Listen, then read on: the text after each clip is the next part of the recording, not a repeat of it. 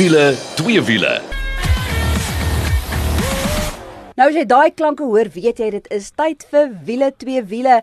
En as jy wonder, ehm um, man, wat het geword van hom? Hy bestaan nog want hy's nou hier saam met ons in die ateljee en dit is Dikkel is vir 'n slag hier saam met ons. Hallo Dikkel. Hallo almal en uh, hallo vir die Engelsman daarsoom.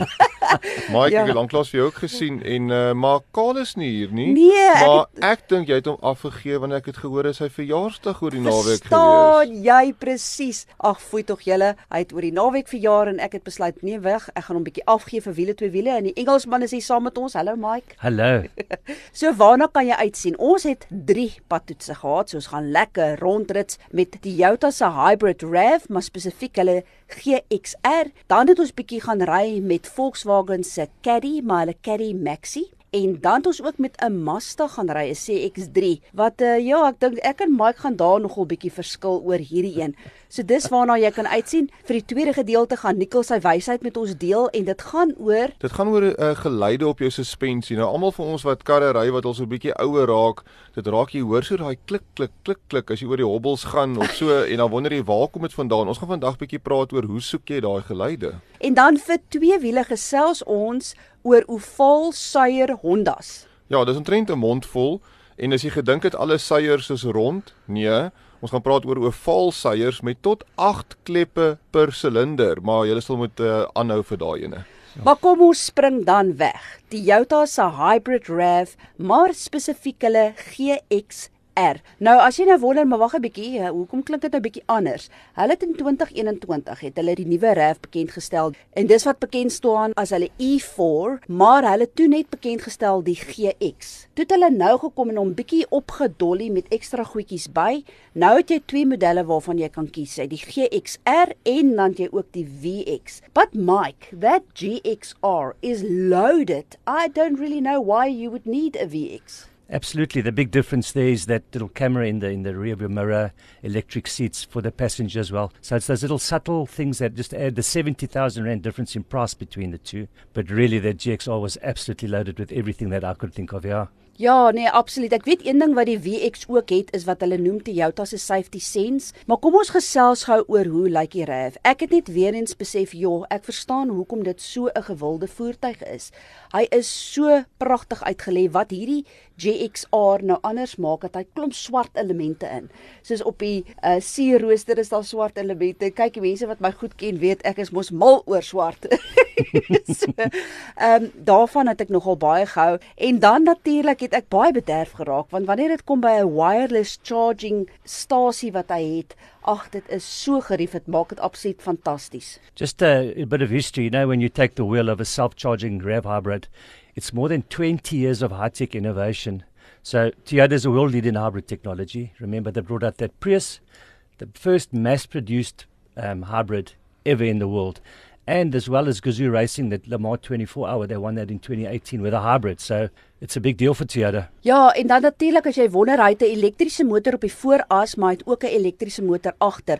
Maar kom ons kyk gou, Nikkel, jy sit met die met die groot boek daar voor jou oor die spesifikasie, want dis interessant hoeveel ekstra kilowatt jy kry met daai twee elektriese motors. Ja, want ek wil nou juis met julle praat oor die aandryfstelsel want dit is ons nou 'n hibriede, so het jou petrol en jy het jou 4-silinder 2.5 liter enjin en dan jy jou elektriese motor en dan gesamentlik lyk dit vir my so 163 kW wat jy het 221 Newtonmeter plus dan die elektriese motor se Newtonmeter. Ehm um, hy het wel 'n CVT radkas waarvoor ek nog nie so mal is oor nie, maar wat nogals werk met hierdie hibriede motors en ek wil nou by julle twee hoor. Hulle praat van daai torque vol of daai wrinkrag wat daai elektriese motor vir jou gee vir alsin met die wegtrek en dis waar 'n CVT altyd mos vir so 'n bietjie irriteer voel of hy glip in die krag so deur 'n paar rekke en seile gaan na die wiele toe maar met hierdie elektriese motor voel hy lekker responsive om te ry. Vir my persoonlik absoluut. Ek kan nou byvoorbeeld onthou toe ons gery het met die Corolla Cross Hybrid teenoor die gewone Corolla kras, né?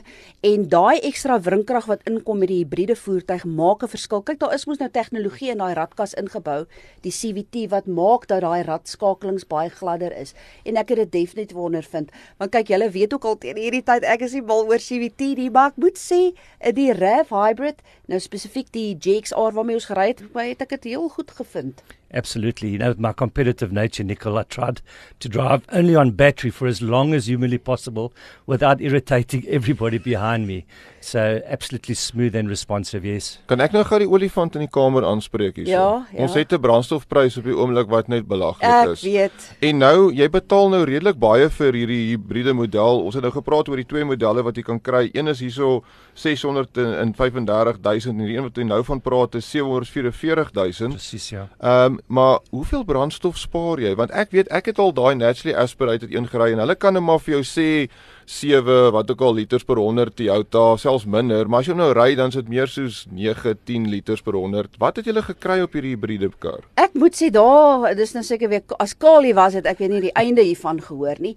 Kyk, die amptelike syfer is 4.8 liter per 100 km, maar ek's bevrees ons het 6 gekry. Maar dis nog steeds nie sleg nie. As jy dink dit is ek sou sê dis ten minste 2, 3 liters per 100 beter as wat die een wat sonder 'n hybride is. absoluut. So daar is daar 'n besparing. Daar is definitief. So ja, ek dink om net af te sluit ook wat hierdie uh, hybrid betref, wat vir my lekker is met die GXR model, Mike, is die oranje elemente wat binne in die kar is. Dit lyk lekker funky, so ek dink dit is nogal gemik op die jonger generasie ook. Ek weet die VX het weer blou elemente in. Maar ja, doen jouself 'n guns en gaan loer bietjie op ons Facebook bladsy wiele twee wiele, dan gaan jy sien hoe lyk hierdie Toyota RAV, soos wat hulle hom noem, die E4 hybrid en ons het spesifiek met die GXR model gery. Yeah, just in closing, you know that that battery warranty is 195,000 kilometers. Maar nou, ons volgende padtoets en dit is Volkswagen se Caddy. Ons het nou spesifiek met die Caddy Maxi gery.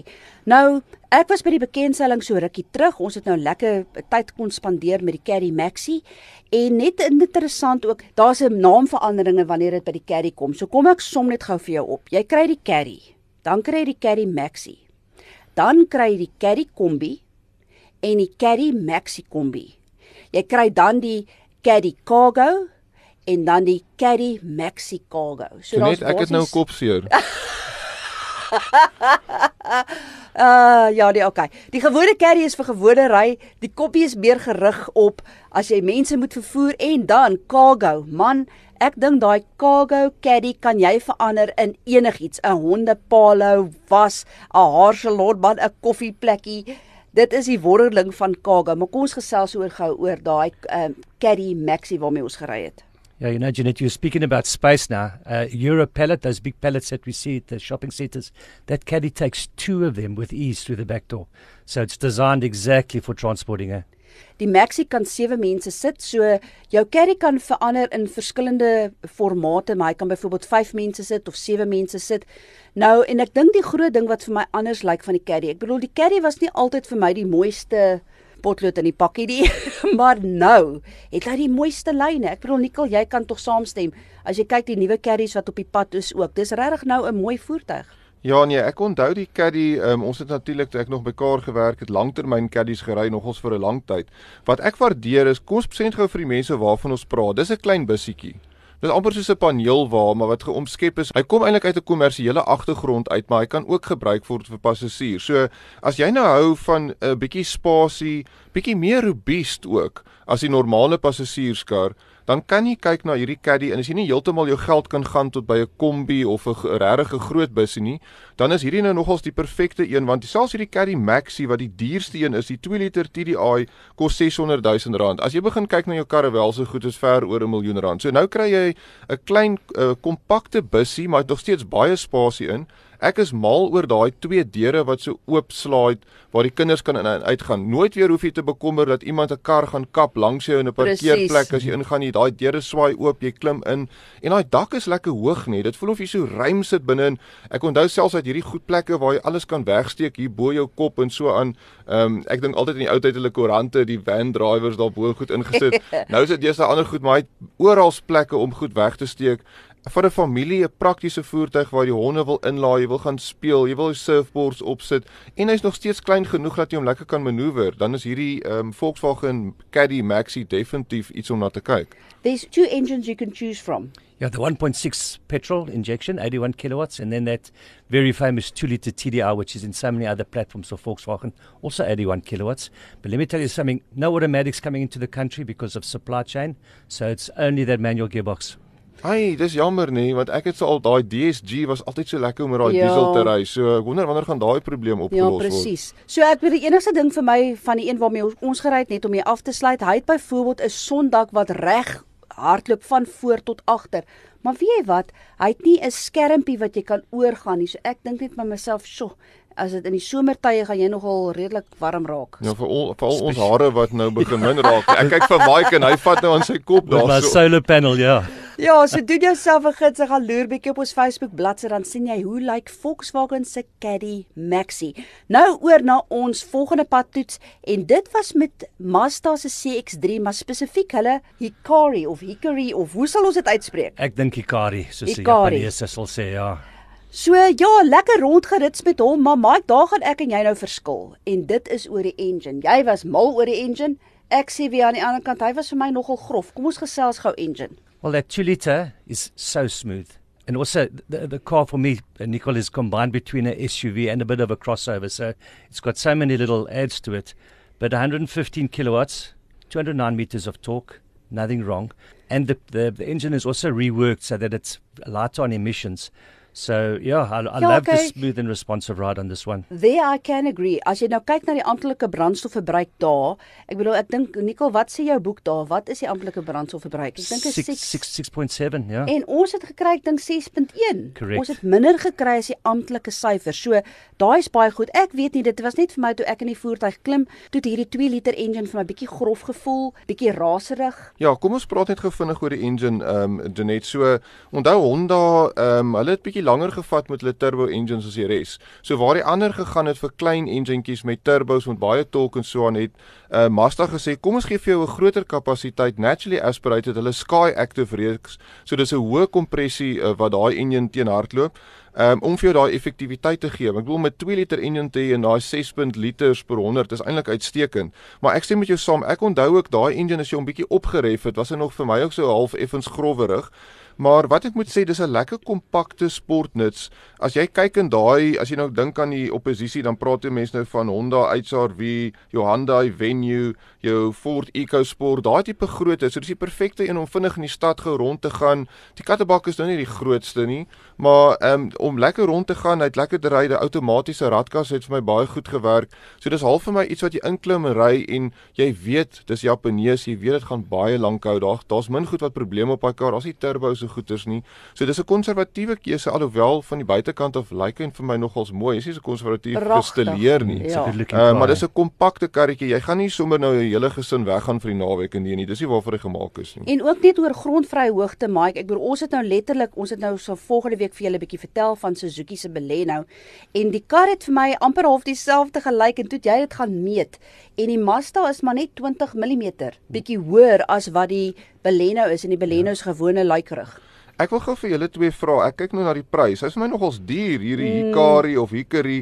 As ek nou kyk in die reeks begin by 373 wat nou heel aanvaarbaar is, maar die top of the range een soos altyd van praat, is al oor die 500 000 rand. Wat kry jy vir hierdie spesifikasie vlak wat dan Ek- nou soveel geld byvoeg? Ek wil amper sê wat kry jy nie? Mike, the list is endless. It's absolutely amazing. You know, less is more that you see in these cars, but underneath it's so well packed. I just want to read a few things. Um, black leather, Bose sound system, 18-inch gunmetal alloy wheels, uh, vectoring, corner vectoring, which helps you stabilize the car in corners.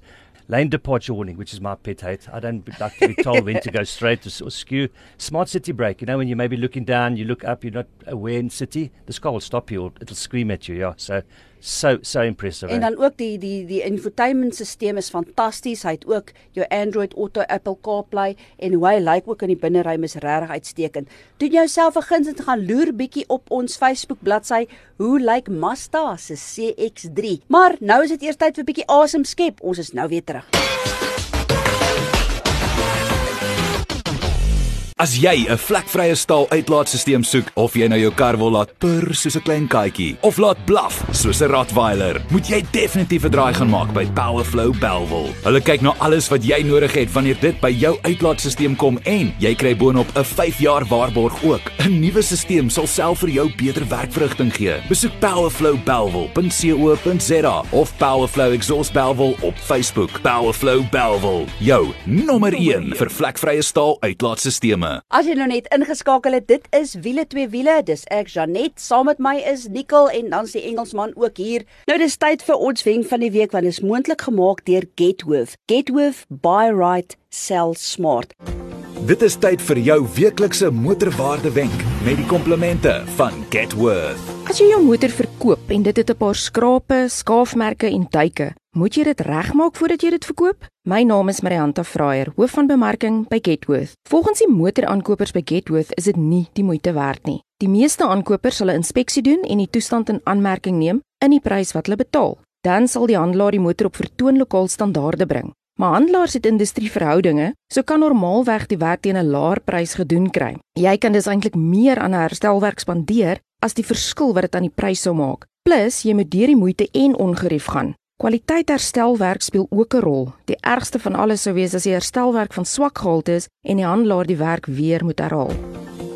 Dit is jou weeklikse motorwaarde wenk met die komplimente van Getworth. Dis nou tyd waar Nicole sy wysheid met ons gaan deel. Nou ek wil vir jou sê, hy sit met so 'n snaakse dingetjie in sy hand. Be careful, this is radio actually. ja, ek moet dit beskryf. Wel dit ball joints aan die kante, maar dit gaan onder andere oor wat is daai snaakse geluide wat jy op jou suspensie hoor? En Nicole, jy het nou eerstehands ondervinding. Ja, eerstehands kyk my vrou, ek is baie lief vir haar, maar uh, sy ry 'n Honda Jazz en sy's altyd haastig en ons het hobbels daar voor ons huis. En ek dink sy gaan so bietjie vinnig oor die hobbels op pad skool toe. En nou die dag sê sy vir my: "Nee, daar's so klein geluitjie in die karretjie as sy nou so oor die hobbels gaan en so dog ek, "Ai, ai, ai." Nou klim ek in die jazz, nou ry ek, hoor ek so klik klik klik klik klik klik en ek wil julle ouens wat nou ek wil die karretjie is al hele paar jaar oud uit baie kilometers op maar so suspensie geluid kan 'n mens nogals irriteer nê Ja nee kyk grys hare gee Paranoia neurosis. maar sit Ja. jy net die radio harder of uh, probeer jy daai probleem Well, at uitsorteer my age, you just ignore everything. Eh? Ja, so kom ons praat gou 'n bietjie oor oor daai geluide wat so uit die suspensie uitkom. Onthou die suspensie van die voertuig, daar's baie bewegende dele.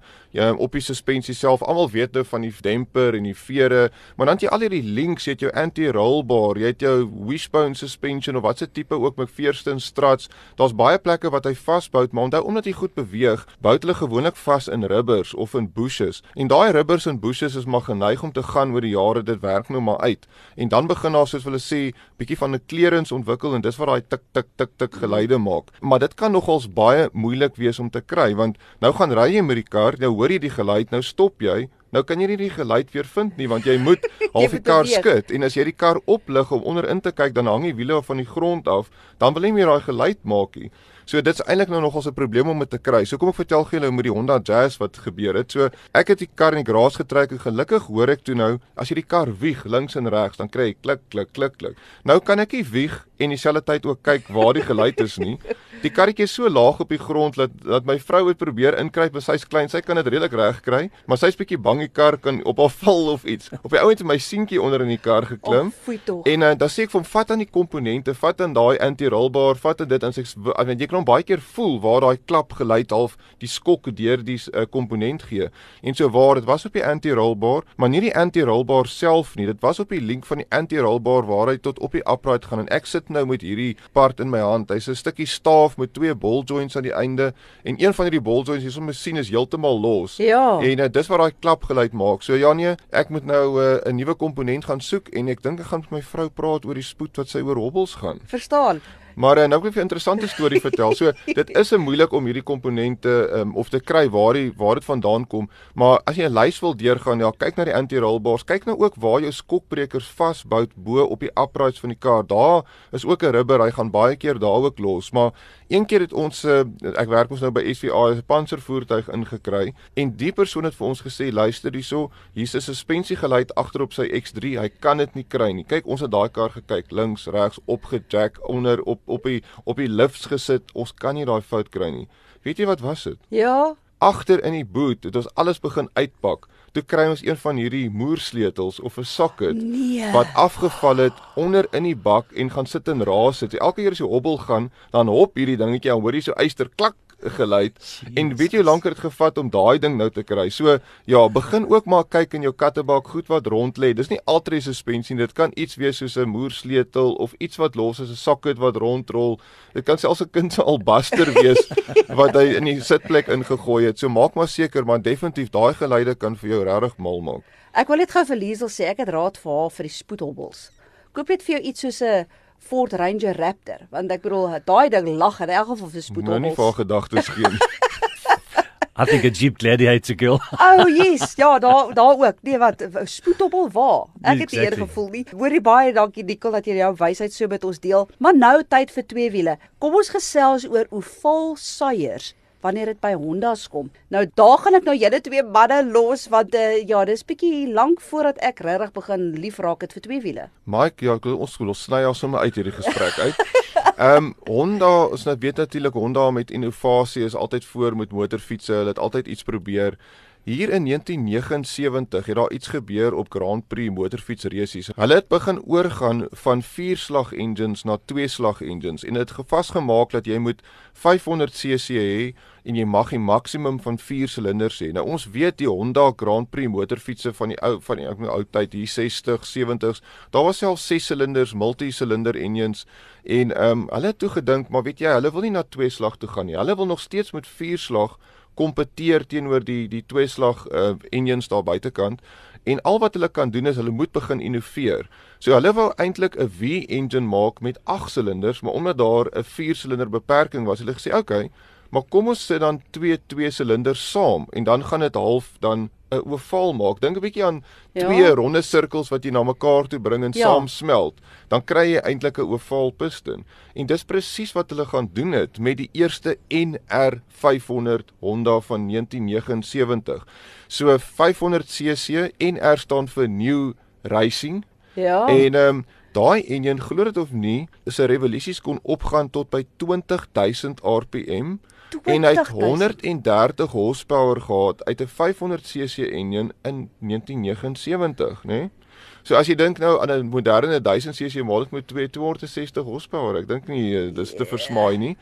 Ehm um, en wat ook interessant was omdat die silinder nou ovaal was, ehm um, kon jy 8 kleppe inpas vir die lugvloei deur daai silinder. Dit is natuurlik 'n baie komplekse enjin want jy het ook twee konrods gehad onder in daai ovaal seier om hom stabiel te hou.